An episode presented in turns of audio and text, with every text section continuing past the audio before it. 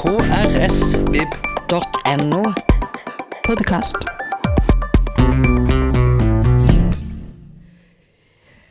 Hei og velkommen til Fredagslunsj. Veldig godt å se dere altså i dag òg, med litt sånn begrensa. Men sannelig hver stol er besatt her nå, altså. Donald Trump, den nåværende presidenten, har ikke gratulert den neste presidenten, Joe Biden, med seieren. For han har jo vunnet sjøl, selv, selvfølgelig. Han varsler rettssaker i vippestatene.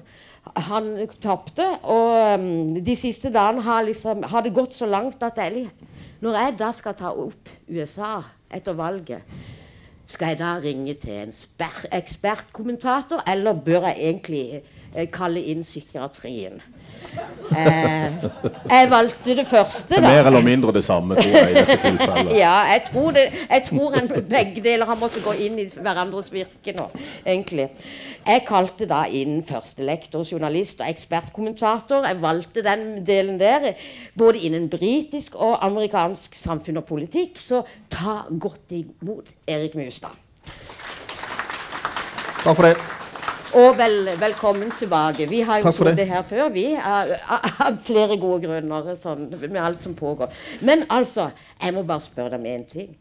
For hvis man går inn på Wikipedia på det, så ser man altså April 2020 lord. Du er altså blitt lord. Ja, jeg er blitt Hva lord. sier dere? Ja. Du vet Men, at eh, noen, eh, noen, fordeler må en jo da ha når en har kommentert Storbritannia så mye. Og med det hierarkiet som fins i overklassen i Storbritannia, så var det mange som syntes at det var på tide at jeg fikk en plass. Eh, nå begynner jo ny sesong av The Crown, som noen av dere sikkert følger på søndag. Og vi har en flott podkast ute om The Crown i dag på våre nettsider. Som er nettsida? Eh, britisk politikk No. Du, jeg, jeg har litt problemer med denne. Du må ta den lenger foran. Den der. jeg tar den sånn. Ja, eh, Britiskpolitikk.no. Der ligger der en podkast om The Crown og 1980-tallet. Eh, for nå begynner den sesongen eh, da Margaret Thatcher ble statsminister i 1979. Mm. Og uh, da syns jeg det var rett og rimelig også at jeg i forkant av dette fikk en lordetittel. ja, ja. ja, men man kan jo ikke bare altså, får jo ikke bare en sånn en. Jo, man gjør jo egentlig det. Så jeg har et lite landstykke i Skottland, og det er nok til å kvalifisere til at det nå er lord Mustad. Og, og det var eh, en stående uh, vits og, og, litt moroheter i, i, journalistikken som jeg da bidrar til litt innimellom med kommentarer om Storbritannia. Uh, så dette kom fra Skottland, uh, og da kunne jeg jo ikke si nei til det. Ja, men altså, så skal vi bare ta et bitte lite spørsmål vi, før vi går til USA, som handler altså om Storbritannia. Og egentlig statsminister Boris Johnsons sjefsrådgiver Dominic Cummings. Eh, han må gå nå. Ja, det har vært litt eh, problemer bak lukka dører i uh, eh, DST, Downing Street nummer 10, i kommunikasjonsdelen her. Uh, denne nokså kontroversielle spesialrådgiveren til Boris Johnson, som heter som du sa, Dominic Cummings. Uh, han har egentlig vært i vinden helt siden han var strategen bak brexit-kampanjen som Boris Johnson nå var en del av før folkeavstemningen i 2016. Ble da utnevnt som spesialrådgiver da Boris Johnson ble statsminister i fjor sommer. Eh, og har hatt en, en, del kontroversielle utspill og en del ja. kontroversielle reiser i disse lockdown-tider. Ja. Og eh, han har nå da funnet ut at han har gjort seg sjøl overflødig, hva nå det enn betyr, eh, som en del av kommunikasjonsenheten i Downing Street. og eh, har nå sagt at han skal uh, tre tilbake. Og Det har også kommunikasjonsdirektøren gjort, så det har vært en del uh, bråk her. Så vi ja. får se når uh, vi får litt innsikt i det om hva som, hva som egentlig skjedde. Ja, for det er, det, det er, en helt fersk nyhet, ja. egentlig. Men altså, i USA så fortsetter jo da egentlig kaoset. Eh, ja, vi må bare Men jeg må bare gå rett på noe her. For nå, altså, Trump har bedt sin administrasjon om å nekte Joe Biden, altså den kommende presidenten, fullmakter og penger. Avsatt eh, og innsatt ny forsvarsminister, sparka militærtopper, og Pentagon er liksom svært øh, utsatt. Altså, hva vil han oppnå med dette? Nei, Det er jo eh, vanskelig å si hva han pønsker på. for Der kommer jo utspill i øst og vest. Eh, og eh, nå har det jo akkurat kommet en melding i natt om at eh, det er ingen valgobservatører som til nå kan si at det har foregått noen uregelmessigheter i dette valget. Eh, der sto en artikkel eh, i dag som ble skrevet i går i The New York Times, som sa at dette var det reneste og klareste gjennomførte valget Eh, på lang tid i USA. Ja, ja. Og alle disse anklagene som han kommer med om valgfusk og alt dette eh, Der er ikke lagt fram noe som helst bevis. Eh, så han holder på med en rekke avledningsmanøvre for å prøve å underslå resultatet.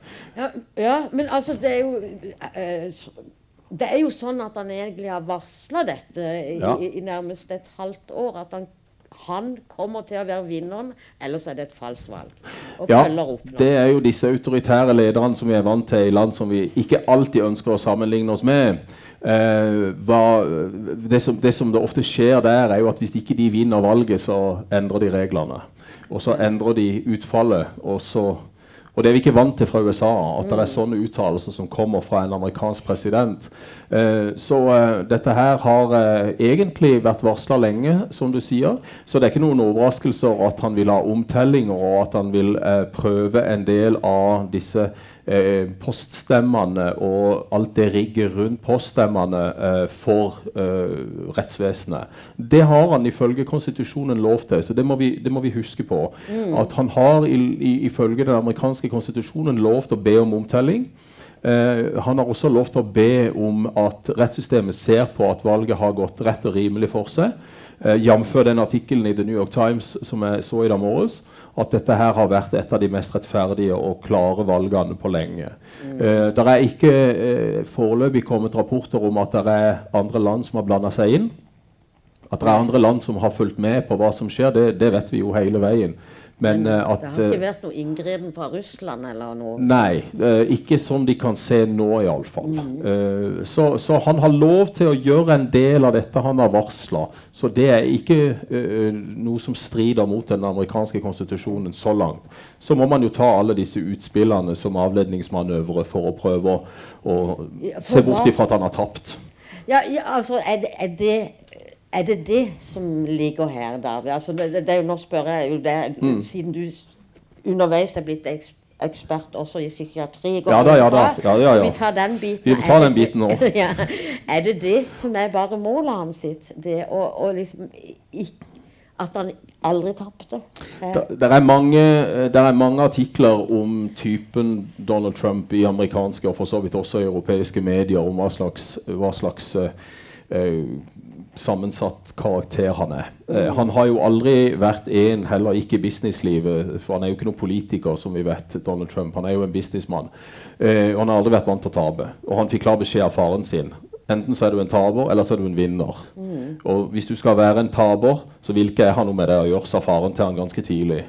Eh, og dermed så har på en måte Donald Trump vært denne her, eh, dette ikonet på den amerikanske drømmen som bare vinner og vinner og vinner. og vinner. Så at han tar i mange ting som blir gull, det, det, det, har vi jo sett økonomisk, at han har fått til veldig mye. Så det, det at han aldri kan innrømme et nederlag, det har jo vært gjennomgangsmelodien i veldig mange rapporter og artikler om Donald Trump. Og nå, eh, hvis det da er sånn at han har tapt dette valget, så kan han aldri, eh, for å gjøre en kjapp psykiatrisk analyse, eh, innrømme det. For han har aldri innrømt noe nederlag, ifølge de som har kjent han godt i, i mange år. Men samtidig er det også en måte å, å undergrave den kommende presidenten på. Altså, for han har jo en horde på Er det 47 millioner som faktisk er liksom enig med Trump nå? Mm. I, I, at han er vinneren. Mm. Det er jo helt vanvittige greier. Og de vil liksom aldri De vil se på den kommende president som en falsk president som har tatt seg til rette. Jeg liker det noe der òg? Ja, det gjør jo det. fordi han har jo spilt denne melodien om og om igjen til sine støttespillere. Og fått eh, kasta ut disse konspirasjonsteoriene om at dette her valget er rigga mot meg. Eh, demokratene står i ledetog med store pedofilringer, med, ja. med andre typer eh, kriminelle elementer i USA. Eh, så alle disse konspirasjonsteoriene er det jo veldig mange av hans støttespillere som tror på. Ja. Og det, det, det, det, viser jo nå, når du ser i etterkant av valget valget, alle disse som ble intervjua også på norsk TV, men som vi også ser treffer frem i amerikanske medier, at uh, de mener at dette her er falskt. Det er ingen demokrat som har vunnet dette valget. Trump er vinneren. Til og med Mike Pompeo sto jo på pressekonferanse her for noen dager siden og sa det, at det blir ikke noe trøbbel med overgangen til ny administrasjon, for det er en ny Trump-administrasjon som kommer til å ta over 20.1.2021. Så Ja. der er vi. Der er vi. Og, og altså biograf altså jeg som har skrevet biografi om Donald Trump, er Tim O'Brien, sier jo at dette minner mer om et diktatur enn et demokrati. Vi, er, vi er kommet så langt. Ja, vi er kommet så langt, og det er jo det jeg mente med at det er en del statsledere i stater som vi i liberale demokratier ikke egentlig ønsker å sammenligne oss med. Eh, at det er helt klare autoritære trekk i, i den amerikanske presidenten, og at han bruker en del av de samme makt eh, strategiene eh, for å ikke innrømme ting, for å spre falske nyheter, for å spre konspirasjonsteorier. Og hvis noe i det statlige struktursystemet går mot han, så vil han endre det. Og Det er typiske trekk ved en del av disse autoritære lederne som vi ser i mange av disse landene som jeg pleier å si har vært demokratier i 14 dager. USA har ikke vært et demokrati i 14 dager. De har et eh, liberalt demokrati eh, i, i et par hundre år, eh, og eh, de har lange tradisjoner for, for demokrati. Men vi ser jo også at det bendes og bøyes i definisjonen av hva et demokrati er. Eh, det er det mange forskjellige typer oppfatninger av, og det er mange forskjellige typer oppfatninger av det liberale demokratiets fremtid, sånn som vi kanskje har kjent det fram til nå. Der er endringer på gang. Vi er nok i et ganske stort paradigmeskifte i internasjonal politikk. Ja. Eh, så, én en ting var jo som vi så, kanskje noen av dere så dette på TV eh, her forleden. Det var vel Urix tror jeg, som hadde et intervju med ei som skrev en veldig interessant artikkel. En ting er Trump, men neste type Ja. Trump som kommer, Det, han eller hun vil være farligere. ja, det var eh, opprinnelig tyrkisk første a- amanuensis. Ja, som, ja, og dette syns jeg var nifst å høre på. En kvalifisert Trump for oppgaven. Nettopp. Og det er det vi er redd for, at, at dette har på en måte bana veien for type ledere i framtida som kan ta seg til rette på denne måten, aldri innrømme noe, eh, og hele tida gå ut med å si at 'dette kan jeg mye bedre enn alle andre'. Og det, Hvis dere hører på Trumps taler, så hører dere måten retorikken hans eh, er, er på en måte rigga mot at 'ingen kan dette bedre enn meg'. 'Nobody knows this better than I do', sier han. Og så står han og fekter frem og tilbake sånn. Eh, og det er akkurat samme hver eneste gang han er på talerstolen. I'm a great president. Er best The greatest ever. Ja, ikke sant? Ja. ja. Eh, Var det også den samme første amanuensisen som poengterte det, at det, det finnes andre som Trump? Vi finner de i Tyrkia, i Russland, i Polen, Ungarn. eh, eh, med den eh, forskjellen da, at de andre egentlig blir gjenvalgt. Og det er jo ikke uten grunn i forhold til systemer og sånn, kanskje. Nei, der er, der er visse likhetstrekk med, med østeuropeiske eh, unge demokratier. Eh, og, og de eh, ser vi jo hele tida eh, blir gjenvalgt fordi at de rigger et system på en sånn måte som gjør at det ikke er noe alternativ. Så Og så raderer de vekk all opposisjon. Ja. Sånn sett så kan vi eh, fremdeles se her at eh, USA består som eh, demokrati. Det må vi uh, tro, ja. Men, ja, ja, vi håper og tror. Men, men i den forbindelse så er, må jeg si at det som jo er spesielt her, er at uh, det er veldig få republikanere som har gått ut og gratulert Joe Biden med seieren. Mm.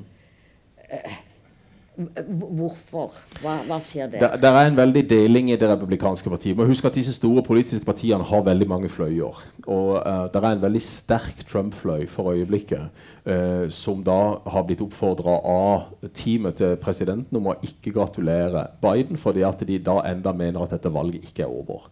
Og da snakker vi om presidentvalget. Der vet nå så var det valg både på guvernørplan, på eh, Representantenes hus, på Senatet og president. Så det er mange valg som foregår samtidig. Men vi holder oss til presidentvalget. Og eh, denne republikanske fløyen eh, er nokså klare på at eh, de eh, ikke skal gratulere Joe Biden. Eh, og dette handler jo om at det er noen viktige datoer fremover eh, Mm. som, som, eh, som handler om både disse rettssakene, men også handler om at dette valgmannskollegiet skal møtes og avgi sine stemmer. Nå er det litt innvikla, dette her Mm. Jo, valgsystemet. men det, det, det er vel egentlig eh, Altså, den første datoen er vel 15. desember? Ja, ikke? 14. desember. Ja, 14., ja, ja. ja, ja.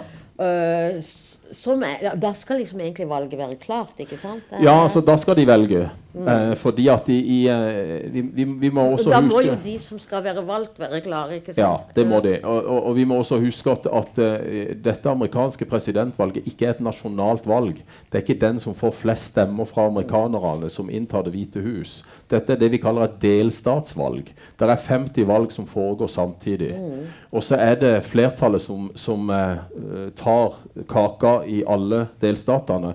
Så det betyr at uh, den, det partiet da egentlig som får flest stemmer i delstatene, får alle valgmennene. Og jeg beklager den termen, men, men jeg har snakka med Språkrådet om dette. Ja. Og, og eh, jeg har ikke spurt Sylfest, da. Det, det, det orker jeg ikke lenger. Men det, det jeg har spurt Språkrådet om, det er dette, dette ordet valgmannskollegiet og valgmenn. Eh, og vi har fått beskjed om å bruke det inntil videre, så beklager det. Men, men det, dette valgmannskollegiet eh, består da eh, av eh, så og så mange eh, mennesker som da er både menn og kvinner.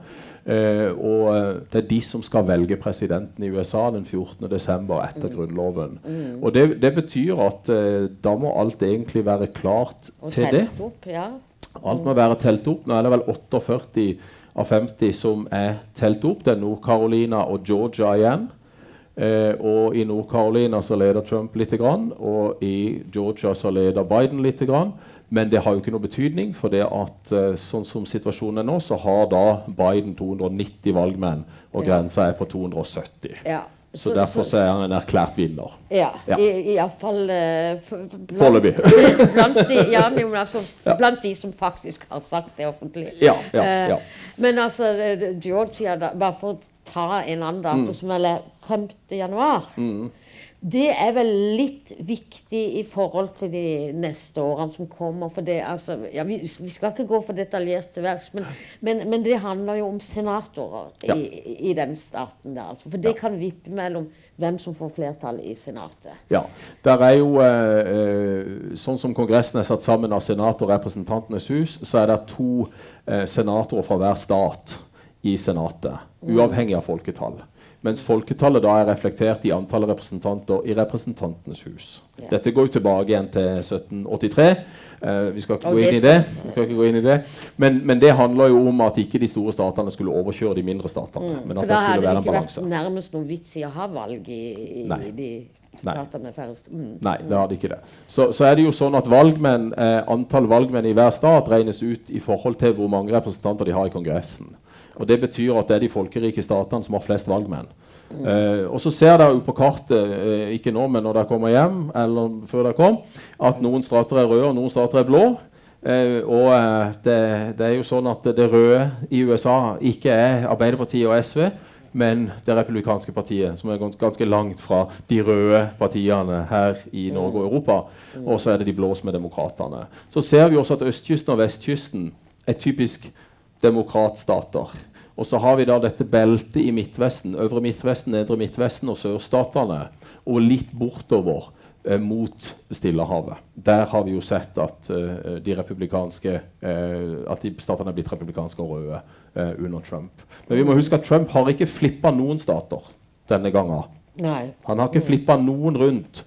Men det er like mange og vel så det som har stemt på Trump i år, nasjonalt sett. Vel så det, ja. Ja. Så- Men det gjelder jo samla sett for eh, Samla sett i USA. Ja. Men senatorene og det å, å ha kontroll på Kongressen, ha kontroll på Representantenes hus og Senatet, det er viktig for en president. For pga. det politiske systemet i USA som vi kaller checks and balances, uh, at disse her forskjellige delene av statsapparatet skal balansere hverandre, for å si det sånn, og at ingen skal kunne ta seg til rette uten at de andre eh, skal vi si, maktorganene er inne i bildet, eh, så er det viktig for en president å ha støtte i Kongressen. At det er et flertall i, av, av representanter i Kongressen som støtter presidenten. Hvis ikke så får ikke presidenten gjennom så mye som kanskje en ønsker.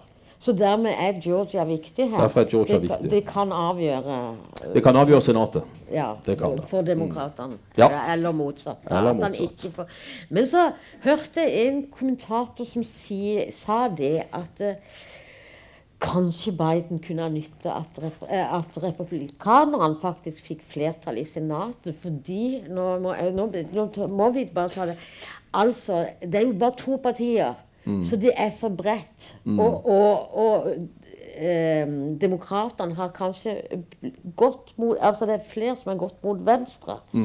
Sånn at hvis han har, kan støtte seg på republikanerne, så kommer vi mer mot midten. Er det noe her? Ja, det er noe der. Og det, og det handler jo om ofte at, eh, at hvis det er fløyer i disse partiene som lener seg mot midten, altså at de er sentrum-venstre eller sentrum-høyre, sentrum-høyre republikansk og sentrum-venstre demokrat, så kan det være at det er støtte for visse reformer og lovendringsforslag fra motsatt parti av de som da eventuelt går mot sentrum. Eh, og Det så vi under Obama, og det så vi under Clinton.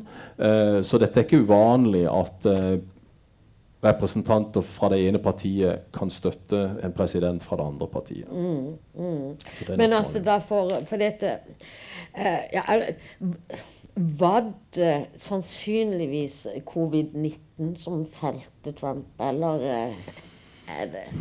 Han lå godt an før dette skjedde. Økonomien Ja. var, eh, og arbeidsplasser var på vei opp. Ja. ja, Det har du helt rett i. Eh, vi vet jo at det er flerfoldige 100 000 som er blitt smitta på disse åpne folkemøtene han har hatt, for ingen av de har jo gått med maske. Nei. Eh, Er det noen tall på det? sånn? Det var over 300 000 som de spurte tilbake igjen til disse folkemøtene. som da, eh, og nå, nå gikk jo også den teorien ut at, at han sjøl aldri var sjuk. At det var en del av valgkampstrategien. Ja. At han aldri egentlig hadde covid, men at valgkampteamet hans mente at det var en god strategi for å vise at det var ikke farlig. Ja. Kan du tenke? Men, Eh, og det er jo altså, det, Jeg skal bare si det, Randi, og det, og det handler jo om at, at uh, han kunne da stå Mannen har jo en haug med underliggende sykdommer. Han er jo i risikogruppe, ikke bare én, men to, tre og fire. Så han har jo en masse underliggende sykdommer. Og han kjørte bil to dager etterpå han ble lagt inn. Og så kommer han ut og sier at dette er ingenting å være redd for. Og så arrangerer han en haug med folkemøter hvor vi ser at så mange mennesker da blir smitta. Og ikke, det, det nevnes ikke i det hele tatt. Det nevnes ikke. Det eneste han sier om dette, er at det er ikke farlig. Bare se på meg. Ja, men, men er det For det snakkes så mye om konspirator, eh, konspiratoriske teorier Mm. om Trump, men det, er, det mot, er dette en eh, teori, eller er det noen som vet, vet noe mer? Jeg har ikke, det, det, det eneste er at det er lansert som et mulig valgkamptriks fra hans side for å på en måte slå ned denne her dårlige håndteringer som han har blitt anklaga for i USA. Nå, det er jo en kjempeøkning i smitte overalt nå. Eh, og også i stater i USA, og også i de statene hvor det har vært lite smitte. Nå er den smitten på vei oppover, også der. Ja, i nye stater, I ny, ja, i nye deler av stater. Eh, så så her, her eh, har jo det selvfølgelig vært den saken som har vært vanskeligst politisk å håndtere for han. Fordi at han har valgt den veien han har valgt, og så har det slått såpass dårlig ut. Så eh, meningsmålinger vet vi jo er eh, labile og, og ikke så veldig riktige. Eh, så det var vi for så vidt ikke så veldig opptatt av. Eh, men som du sier helt riktig, eh, økonomien var veldig veldig god i USA. Eh, da jeg var der i januar og februar, så var det veldig stor begeistring for eh, Trump og for den politikken han har ført. Ja, for det må vi bare få inn. For det, Du befant deg altså i USA. Du var sånn utvekslingsforeleser. Er det det man skal Nei, Ja, jeg var på det vi kaller et sabbatsår. Så hadde jeg et frisemester fra, fra UiA. Eh, og så var jeg på eh, et universitet i Minnesota. Eh, og satt der og bivånte det hele. Eh, både det som skjedde der, og det som skjedde i Norge. Og så ble jeg da sendt hjem eh, da UD ringte i slutten av mars. Eh, da var det jo stengt her, og da begynte det å stenge der borte.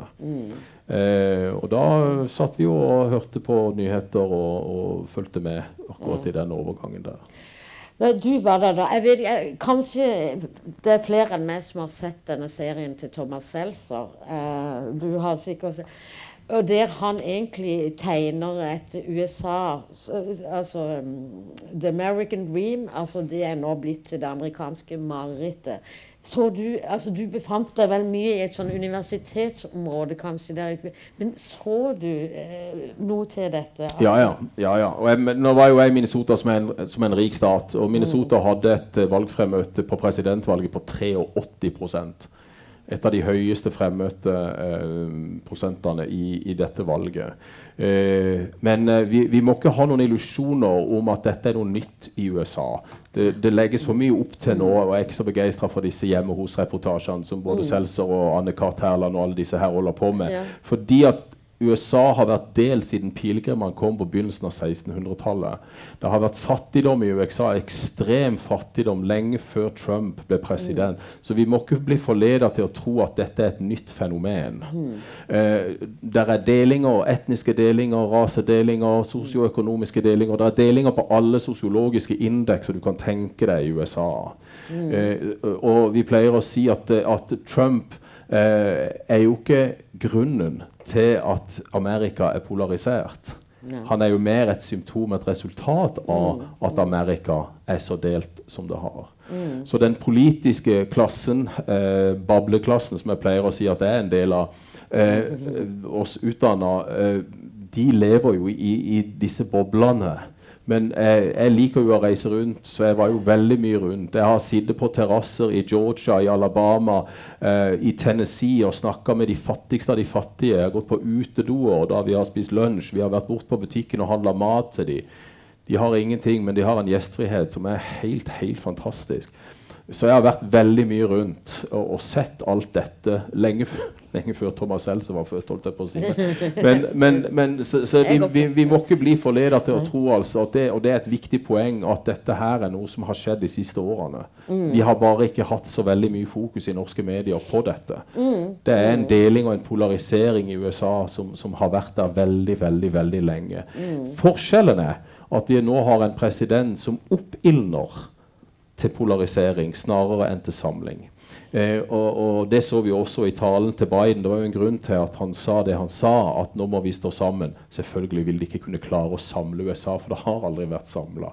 Mm. Men, men, det er en viktig retorisk måte å si at den forrige presidenten har oppildna til splittelse og hvitt lederskap. Det må vi få vekk. Og det, det er, er, samtidig noe vi, vi, må, mm. vi, må, se på. Ja, for når du sier, eh, sier det siste der men vi, altså, Jeg så et eh, Altså en sånn ja, Jeg så Trump på TV der han eh, sier at er den utvalgte. Ja. Og så ser han opp mot himmelen. Ja.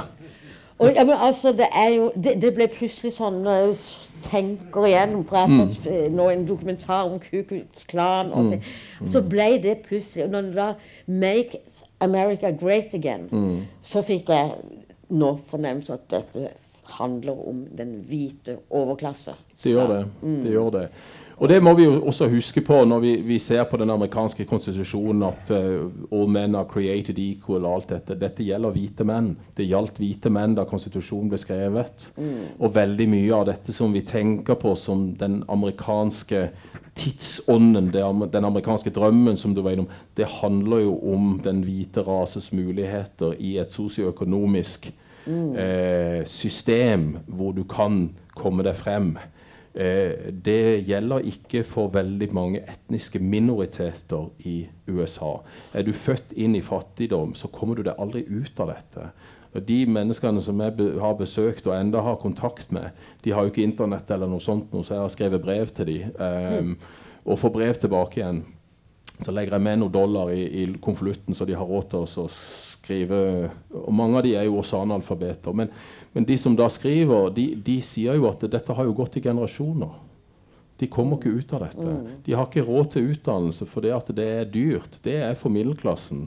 Og så er det en sånn sånn, sånn syklus som, som, de kommer inn i, men de ikke kommer ut av. Mm. Så når du snakker om den amerikanske drømmen, og du snakker om mulighetenes land og alt dette her, her så bare rister de på hodet og sier kanskje for noen, men ikke for oss.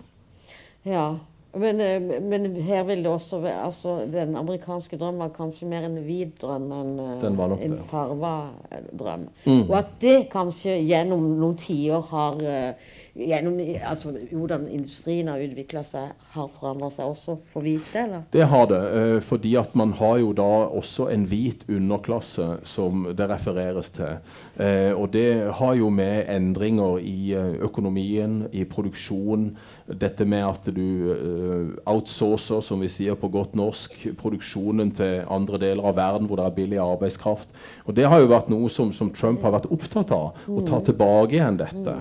Eh, fordi at som republikansk president, som mange andre republikanske presidenter, så er de opptatt av USA, de er opptatt av arbeidsplasser, de er opptatt av økonomien. Og den gikk bra. Han har skapt en rekke arbeidsplasser i mange av disse delene av USA som ble hardt ramma av industrinedlegging. Det som er interessant nå, da, når vi ser på de demografiske, altså de forskjellige gruppene som stemte på Trump For Trump har en klar majoritet av hvite menn som støtter han. Men det er også den gruppa av støttespillere som har gått ned nå. Så det betyr at han har stort sett like mye oppslutning fra sine kjernevelgere blant kvinner, blant veldig mange etniske minoriteter. Så gå hjem og se på kartet og se hvor mange av sørstatene, som, som tradisjonelt er de fattigste statene, som faktisk støtter han. Han, er han har vel fått veldig god støtte blant latinamerikanere, Yes. ikke minst. Yes. Mange latinoser, men det er enda størst støtte fra hvite menn. Selv om det er også den gruppa som har gått klarest ned. Og det er veldig mange av disse her som er medlemmer av disse høyre-radikale gruppene. Den som har vært mest framme i norske medier, er denne Proud Boys. Eh, men jeg har også intervjua folk eh, i Ku Klux Klan i sørstatene som enda er aktive, og som mener at det, det største feilen som ville blitt begått eh, i moderne amerikansk historie, det er borgerrettighetslovene som ble underskrevet av Lyndon B. Johnson i 1965. Det var den største feilen som ble gjort i amerikansk historie. Og dette er det folk som sitter altså i vår tid og enda mener, høyt utdanna mennesker, hvite selvfølgelig, som lever i sørstatene, og mener at, eh, at afroamerikanerne ikke skal ha samme rettigheter som de hvite. Og enkelte vil vel nærmest ta tilbake slaveriet. Ja da. Det er mange som ønsker at eh, det skal være den tjenende klassen, eh, og at de hvite er herrene. De skaper arbeidsplassene. Da må afroamerikanerne jobbe for dem. Ja, og, og når du snakker om eh, Ku altså, gjennom 150 år det, det, altså, eh, NRK sendte en fin dokumentar Ja, på to, to episoder som tar for seg fra 150 år siden og fram til 2020. Ja. Altså. Og i går så jeg på Kveldsnytt, og foran Det hvite hus var det et lang, en lang bilkortesje med mye hvite menn og mye amerikanske flagg. Det fikk en sånn uh, Ja, du får disse assosiasjonene, og, og, og du får denne her eh, litt klamme følelsen av at de hvite er i ferd med å miste makten. Eh, og dette kommer jo fram eh, når en etnisk gruppe er i ferd med å miste fotfestet. Nå vet vi jo også av demografisk utvikling av at hispanics, eller latinerne, vil være den største etniske gruppa i USA innen 2050, ser det ut til. Og da føler de Ja, og da føler de vide seg trua, og da kommer de selvfølgelig fram. Mm. det ser vi også i andre land. Ja, altså vi ser det i Europa og, Mm. veldig sterkt. Og, altså hvor stor er høyreekstremismen på fremgang i USA? Den er ganske stor. Uh, den er ganske stor, og den uh, brer om seg. Uh, og Trump har jo da som sagt vært med å oppildne eh, disse splittelsene og disse endringene vi har sett i legitimeringer kan du si, av disse gruppene. At det er helt OK å gå der og protestere. Og så sier han av og til Oh, that was a bad thing. That was a real bad thing. Ja. Oh, oh. men du hører jo i retorikken hans at han egentlig ikke mener det. Eh, Men han, han må si det. Så sier han det på veldig sånn rolig måte. Så, så rister han litt på hodet, men så vet vi at han støtter disse gruppene. ja. For det var spesielt da i forhold til George Floyd, Ja. som uh, I Can't Breathe. Som det, Ja, absolutt. Uh, han, nei, han gikk jo ikke sterkt mot det. Um, og da, da, da kom jo en bevegelse der som, som kanskje også var jeg vet ikke, var den vesentlig for valget? Uh, ja, både ja og nei. Altså, disse bevegelsene har vært der veldig veldig lenge. Men de har på en måte ikke fått lov til å ha det spillerommet som de nå får lov til. Det er den endringen vi ser, at, at vi da som sagt har en president som oppildner til dette. Uh, og som på en måte legitimerer eller legger til rette for at de kan legitimere sjøl som en del av det amerikanske samfunnet. Det er sterk ytringsfrihet i USA. Uh, og, og, det betyr jo at, at, de grensene som vi tenker på her i forhold til ytringsfrihet og sjikane, uh, de fins ikke like, i like stor grad i sjikane delen av den debatten. Uh, så her er ytringsfriheten så sterk at en nesten mener en kan gå ut og gjøre hva en vil. Og så vet vi jo også at politiet har lov til å behandle folk på denne måten som de gjør, uten at noen griper inn. Og dette er jo en kultur som har bredd seg både i amerikanske fengsler og blant veldig mange politistyrker rundt forbi i statene. Mm. Det var også interessant med å se dette med Kukulus Klan, ja. hvor sterk innflytelse de har hatt både i, i juryer og i politivesenet. og det, det, er holdninger her på at vi, altså, Det skal ikke så mye til for å bli politimann i USA? Nei, der er, der er, det, dette varierer fra stat til stat, men det er ikke mange brevkurs du trenger for å bli politi. altså. Nei. Så det er, jo det, som er, det er jo det som er skummelt å se på hvis en går inn og ser på utdanningen av, av politistyrker rundt forbi de forskjellige 50 statene så er det, er det, ikke veldig mye utdannelse de har. Og de har ingen utdannelse, og det, det så vi jo på for en stund siden. husker jeg, Det var vel etter George Floyd, tror jeg. Uh, at det er ingen holdningsutdanning. De får beskjed om hvordan de skal oppføre seg. Uh, og for oss som har sett uh, filmer fra amerikanske fengsler, så, uh, som, som, litt sånn ironisk heter og ivaretatt av The Department of Corrections om de blir eh, skikka til å komme ut i samfunnet igjen etter den behandlingen de får i amerikanske fengsler. Mm. Det har vært inne i ett amerikansk fengsel, ja, ja, og jeg snudde ganske fort. Det var det vemmeligste jeg har vært med på. Så det er en brutalitet. Det, det er eh, veldig da ofte hvite fangevoktere og etniske minoriteter, ofte farger. Eh, og det er altså en, selvfølgelig en overrepresentasjon av det, eh, som vi ser i forlengelsen av Black Lives Matter og, og denne politibrutaliteten vi har sett. Og det er ren makt. Det er ren makt eh, mellom, mellom, disse sivilisasjonene, hvis vi kan kalle det disse, disse grupperingene. Eh, etnisitet, rett og slett. Ja, nå var det, ikke så lenge siden det faktisk var en som ble benåda etter flere tiår i fengsel. Mm. Og, det, og, det, var et bitte lite tyveri egentlig som var ja, det er jo det som er så vanvittig. Når du, når du, spør hva folk sitter inne for, så er det altså rett og slett eh, en slikk og ingenting, for, for ja, å si det på godt norsk. Så får de livstidsdom.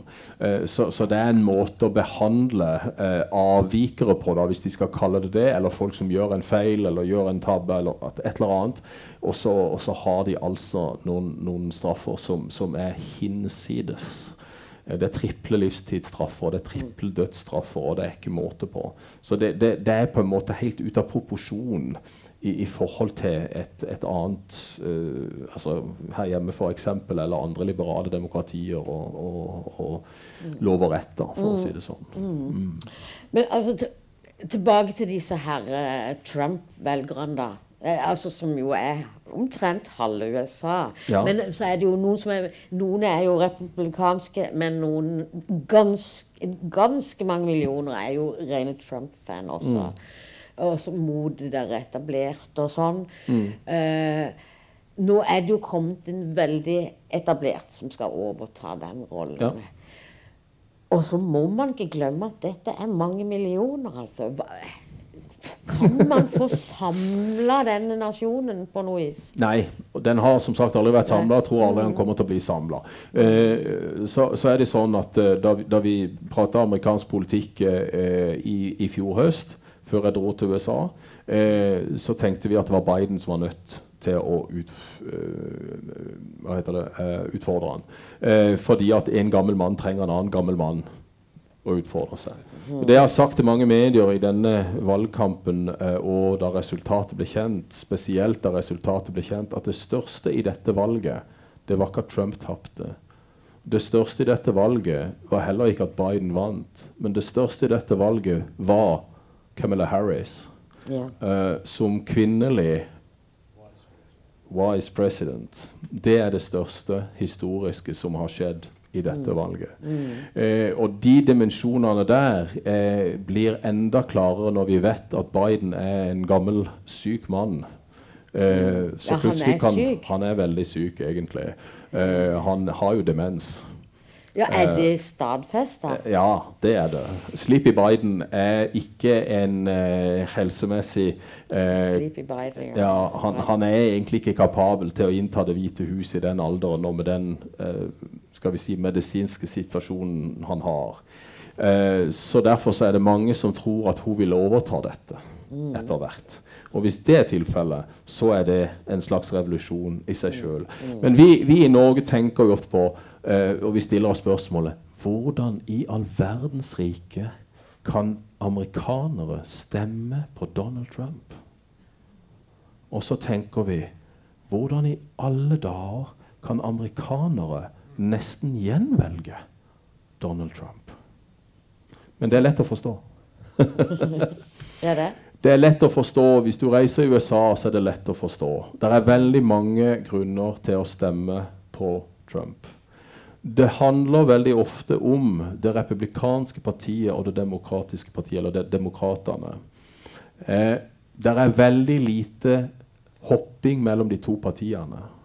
Hvis du går tilbake igjen og ser helt på 70-tallet til Richard Nixon gjennom Reagan på 80-tallet, så er det veldig få som bytter side. Det er klart det er noen, men mye færre folk som bytter side enn i europeisk politikk. Storbritannia, som var den gamle kolonimakten til USA, der hopper folk mellom de konservative og Labour hele tida. Storbritannia har den velgerskaren hvor flest hopper frem og tilbake. USA har den folkeskaren som minst, i minst grad hopper fra demokrater til republikanere. Og Det betyr at ok, eh, hva er det da som skjer? Hvorfor vinner ikke Trump igjen da, hvis de samme stemte på han i 2020 som stemte på han i 2016? Da er selvfølgelig stikkordet mobilisering.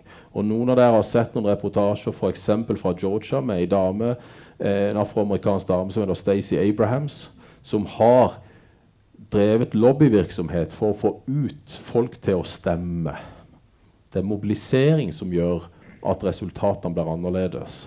Jeg nevnte i stad at det var 83% fremmøte i Minnesota. Det er det største fremmøtet noen gang i Minnesota. Når du hever fremmøteprosenten, så vet vi at de som normalt sitter hjemme, de vil støtte demokratene. Og ikke republikanerne.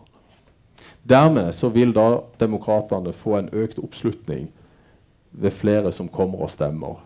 Og Bare en kjapp anekdote før du kommer tilbake igjen. og det er Da Bill Clinton ble eh, president, så gjorde han noe av det samme. Han skjønte at han måtte appellere til spesielt to grupperinger kaller jeg det nå, i det amerikanske samfunnet. Det ene var etniske minoriteter. Det klarte han. Den andre gruppa var kvinner. Jeg tenkte det ikke. Kanskje han appellerte litt for godt til de kvinnene. Men iallfall. Eh, han fikk da en haug med flere kvinner til stemmelokalet. Og dette var jo The New Democrats. Den nye tankegangen hvor de gikk litt fra, fra, fra eh, mer mot sentrum og hadde en mer, mer som vi kunne se i europeisk sammenheng som en slags sentrumspolitikk. Eh, og det klarte Clinton, og økte frammøtet i mange av disse statene og gjorde at han vant. Og Dermed så, så ser vi at mobilisering det hjelper. Og alle disse ildsjelene som nå har jobba i disse vippestatene for å få flere til å gå og stemme, har gjort at Biden har klart å flippe de antagelig i demokratenes favør. Så er det en ildsjeler som har sørget for det, eller er det også en slags Trump-effekt for de som da ikke er så begeistra for Trump? Ja, det, det er et veldig viktig spørsmål. Fordi at eh, vi vet at denne gangen i USA så har det vært mer negativ stemming enn det har vært noen gang før. Og det er anti-Trump. Det vi ser på analyser da fra Minnesota med så sterk, eh, sterkt fremmøte som 83% handler om at der er det mobilisert velgere for å stemme anti-Trump. Vi har sett gjennom hele valgkampen at hvis det er noe demokrati i verden som har negativ skittkasting om motstanderen, så er det amerikanske presidentkandidater. Det er veldig lite snakk om egen politikk. Det er mye mer snakk om hvor forferdelig den andre er. Mm. Og dette gjør seg da utslag i negativ stemming, eh, som du er inne på.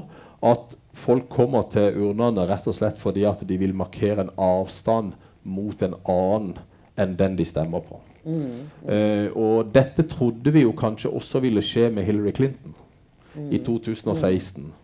Eh, at her ville det mobilisere så mange kvinner.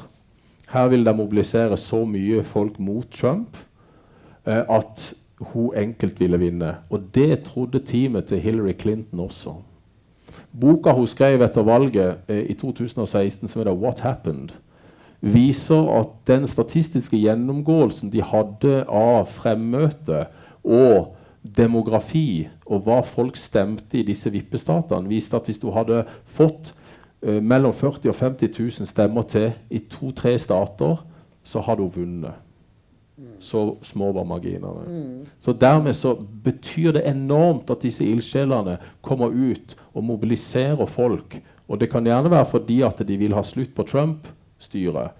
Men det å mobilisere velgere betyr enormt mye, altså. Mm. Uh, og da er den negative delen en del av det. For mm. retorikken er jo veldig negativ i amerikansk politikk.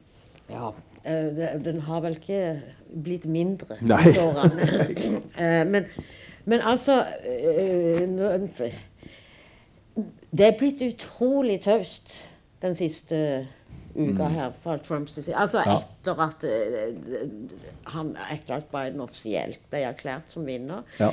Så var på? Det er jo ikke normalt, dette for han. det er ikke normalt å være så stille. Nei, Nei nå, har jo, nå, har han jo, vært med på noen markeringer, og, og han har kommet med noen uttalelser. Men uh, det er nok en voldsom aktivitet nå for å ja. se hvordan de kan uh, komme ut med, med andre uh, beskjeder til det amerikanske folket enn det som er kommet til nå. Så det er kommet noen drypp eh, gjennom bl.a. Pompeo og Pence, eh, visepresidenten, eh, om at ikke de aksepterer dette, ikke aksepterer eh, valgresultatet, at alt er fusk og fanteri. Og at uh, det uttrykket de bruker, er at det har blitt stjålet. Valget er blitt stjålet. Ja. Ja, og ikke Guliani, altså, så er jo en som er i bresjen her. Jeg så den fine eh, pressekonferansen på Four Seasons, dette, ja. dette havesenteret. Som de, som de, eh, de, klarte jo, de, klarte jo, å prøve å gjøre alle gode miner til slettspillet. Men alle, alle, så jo at dette var en, eh, noe feil som de, hadde, som de, selvfølgelig hadde gjort. da Men de kunne ikke innrømme det engang. Men det var jo ikke bare et havesenter. Det var en garasje. Ja, jo, men også var det jo en, en sånn myk pornobutikk ja, og et begravelsesbyrå. Ja, ja, det var helt fantastisk. Ja. helt fantastisk. Nei, så Vi vet jo ikke hva de pønsker på nå. Så, så det er jo denne, denne tida fram til 14.12. vil jo bli veldig eh, spennende nå for å mm. se. Uh, men, men eh, de færreste tror jo at det kommer til å få noe rettslig etterspill hvis de ikke kan legge fram noe bevis. Og, og, vi vet jo ikke om det er bevis. og vi vet jo ikke om, om Jeg eh, så et innslag som, som NRKs Gro Holm hadde på Urix her forleden, om at uh, en av disse høyt utdanna menneskene i Virginia sa at det var 103 fremmøte. Ja. Uh, ikke sant? Og det betyr jo valgfus. Det, det er noen som stemmer flere ganger. og sånt noe. Mm. Så, så, så sjekka, jo, sjekka de jo dette, og det viste seg at det var ca. 80 fremmøte. Mm. Så, så, det er klart at dette her spilles jo og spilles jo og spilles om og om igjen, denne gjennomgangsmelodien at valget er blitt stjålet. Og da må vi finne på A, B og C for å kunne forklare dette. Så har jeg hørt en, en, sånn, en teori, en mulighet, at Trump kommer til å gå av og innsette visepresidenten som president for at han sjøl skal kunne bli benåda og ikke rettsforfølges. Det er sant. Eh, og det, det er ikke så usannsynlig. Er det? Eh, det? er ikke så usannsynlig. Eh, for hvis da han kan komme fra det med å ikke innrømme tapet så er denne personlige hangupen Nå er vi tilbake i psykiatrien. Eh, så er denne personlige hangupen i at han må vinne alt og alltid ha rett, blitt bevart på en måte. Så det mm. blir en slags formildende omstendighet for han hvis han kan gjøre det. Mm. Og så er det da som må eventuelt til slutt eh. For ellers så kan vi komme til å se han i rettsapparatene i lang tid. Nei, ikke i lang tid, tror jeg. Eh, fordi at det er hver stat som bestemmer dette. Mm. Vi må huske at valget ikke er en føderal sak, siden det er et delstatsvalg. Mm. Så det er de juridiske eh, systemene i hver delstat som ivaretar disse rettssakene. Det er Mm. ikke Høyesterett. Høyesterett kan gå inn og overprøve delstatssystemene. Eh, men det er altså Wisconsin, og det er Pennsylvania, og det er Georgia eh, og de juridiske systemene der som Så, så, så retts...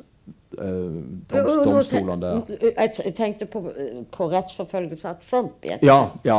Nei, det, det tenker jeg er, er også en ting som kan skje, at, eh, at, han, overtar, at han overgir makten til Pence. Ja, sånn at han kan komme seg unna det. Dette, Ja. Men hvis ikke han gjør det, så kan han vise han i Ja, systemet. da kan han bli rettsforfulgt. Ja. Det kan han. Og da, da er det jo ganske store saker som er forberedt mot han. Mm. Eh, og vi vet jo at amerikanske presidenter har en såkalt pensjon. Ja. Jeg håper han ikke lever så jækla lenge. Men, men, han, men han, har, han, har i alle fall, han har iallfall rett på denne samme pensjonen som eh, alle de andre ekspresidentene har. Og et bibliotek. Det var jo den store vitsen, vet du. Alle har et uh, presidential library oppkalt etter seg. Jeg har vært på en del av de, og det er fantastiske sentre. Det fineste var Jimmy Carters i Atlanta, for han var eh, Og alle dere eh, husker Jimmy Carter som, som kanskje en av de mest europavennlige eh, presidentene eh, USA har hatt. Synd han ikke ble gjenvalgt. For, men, men han har et fantastisk bibliotek i Atlanta, Georgia. Eh, og så tenkte man, hva skal man gjøre da med Trump? Ja, For han leser jo ingenting. Nei. Og det å bli forbundet med et bibliotek han, altså, de, de, Disse i Det hvite hus sa jo at han, han hadde jo bunker med papirer, så han leste de to setningene på den første, og så bare heiv han det vekk. Og det er jo det vi har sett, at han har jo ikke tatt inn noe kunnskap. Og der er han jo lik eh, min venn Boris Johnson i Storbritannia. De leser jo ingenting. De vil jo ikke ha noe kunnskap, for de har jo alltid rett. Så det er jo en del av denne mani manipulative, manipulative måten å autoritært styre på. Burde det blitt et slags uh, bibliotek med, med bøker om golf, kanskje? Ja, det tror jeg kanskje hadde vært det beste. Men vi vet jo at golf er viktig. Uh, ikke bare for presidenten, men for, for mange andre også. For det er jo der veldig mye av politikken har blitt planlagt. Eh, og han har jo tatt med seg teamet sitt på disse golfbanene rundt forbi for å diskutere politikk. For der er det i, der er de i fred. Ja. Så det, og, det, og det vet vi jo fra andre sammenhenger også, at uh, toppolitikere de har sine måter å få snakka med, eh, med folk på i systemet sitt i ro og fred, uten at de får eh, journalister opp i ansiktet og kameraer opp i ansiktet til enhver tid. Så de har jo behov for noen av disse rekreasjonsplassene, som vi kaller det. Om det er en kafé eller, eller hva det er for noe. Jeg har jo møtt politikere i Storbritannia på kafeer i Soho som sitter i et hjørne.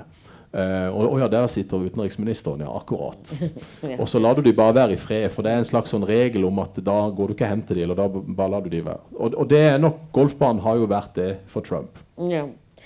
Tida går så jeg, Ja, utrolig fort, Oi, så nå må vi bare Men jeg, bare et sånn uh, Psykiateren i det, eller eksperten på eh, Kommer Trump til det? Altså, det har vist seg fant ut at det er tre ganger tidligere, men det vi snakker om 1800-tallet, der den avgående presidenten ikke har stilt på innsetningsdagen for Mm. den nye. Kommer dette til å skje igjen, tror du? Eller? Det kan være. Eh, det kan godt være at han ikke vil være til stede, fordi at han da ikke offentlig kan vise seg Uh, som en mann som har tapt. Nei, for Eh, da vil han jo egentlig godta. Ja, altså så er det jo sånn da at i eh, den amerikanske konstitusjonen så skal det legges til rette for en overgang. Eh, både økonomisk, eh, praktisk i Det hvite hus, at den nye administrasjonen skal få tilgang til kontorer, til papirer. Og det nekter jo Trump-Biden nå. Eh, så dette borger jo ikke for en rolig og fredelig overgang, da, hvis vi skal gå mot Mike Pence og si at det ikke til en en nummer to Trump-administrasjon, men det er til en ny Biden-administrasjon. Så alt borger jo for at her er det problemer eh, i overgangen. Og så er det jo sånn òg at ifølge konstitusjonen, det tolvte grunnlovstillegget, at den sittende presidenten skal innrømme nederlaget. Og skal offentlig gå ut og si at uh, 'jeg har tapt, jeg gratulerer'. Og gjerne ta Den den, telefonen. Gjerne ta den der telefonen. Og det, og det tenker vi jo at sånn som det ligger an nå, så er det ingenting som tyder på at han vil gjøre det. nei, nei. Men i går var det jo faktisk altså en republikansk senator, James Lankford, som Mm. krevde en avklaring at nå måtte Biden få tilgang. Ja. For i verste fall så kan, når han da blir innsatt, så kan det ligge på bordet foran han noen ekstreme vanskelige terrorspørsmål, f.eks., Ja. som skulle vært håndtert nå og ikke i januar. Så dette er jo veldig alvorlig. Det er veldig alvorlig, og, og det betyr jo at, eh, at hvis det, den eneste måten uh, en kan fjerne Trump på, er at han blir fysisk fjerna fra Det hvite hus. Ja. Det hadde jeg jo vært spekulert i. Båre ut nærmest. Ja, altså i håndjern. Ja. Eh, fordi at det er ikke noen andre muligheter eh, hvis man ikke kan legge bevis på bordet om at det har foregått noe som gjør at det har vært valgfusk, eksempel, eller at valget må holde om igjen, eller sånn og sånn, og sånn, eh, så må han fjernes ved makt. Eh, og det kan man se for seg at uh, det kan være. Eller at han overgir makten til Pence, og så er det Ja. Pence som blir fjerna ved makt. Ja. Så, så her er det noen forskjellige scenarioer. Men dette kommer ikke til å skje i alle fall før 14.12., fordi at valgmannskollegiet er nødt til å stemme på Biden. Eh, sånn at han da offisielt er vinneren av valget. Eh, og siden ikke det har kommet noen bevis fram til nå, så tror de færreste at det vil komme noe bevis, og da har han ikke noe mer å komme etter. Da er det faktisk ikke så mange flere utveier for han, annet enn å gå av eh, og overgi makten til Pence, eller bare bite i det sure eplet, og at kona kanskje kan ringe til Biden og si eh, på, be, på, på, på vegne av min mann, så vil jeg gratulere deg med seieren. Så vi får se. Håpet ligger altså i visepresidenten Kamala Harris. Ja. Dere forstår når du har eh, denne mannen på besøk, at vi kom litt over tida her. Og eh, du verden, det ligger eh, mye scenarioer i, i vente. Alt er uavklart. ja, egentlig det. Takk for at du gjorde oss oppmerksom på det, holdt jeg på å si. Ja, takk. Takk, takk. Nei, nei, tusen takk for at eh, du kom til oss. Tusen takk for at dere ville komme, og riktig god helg.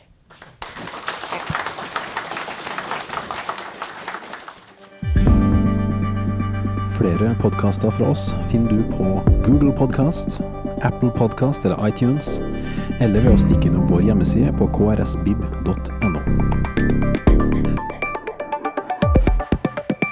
krsvib.no. Podkast.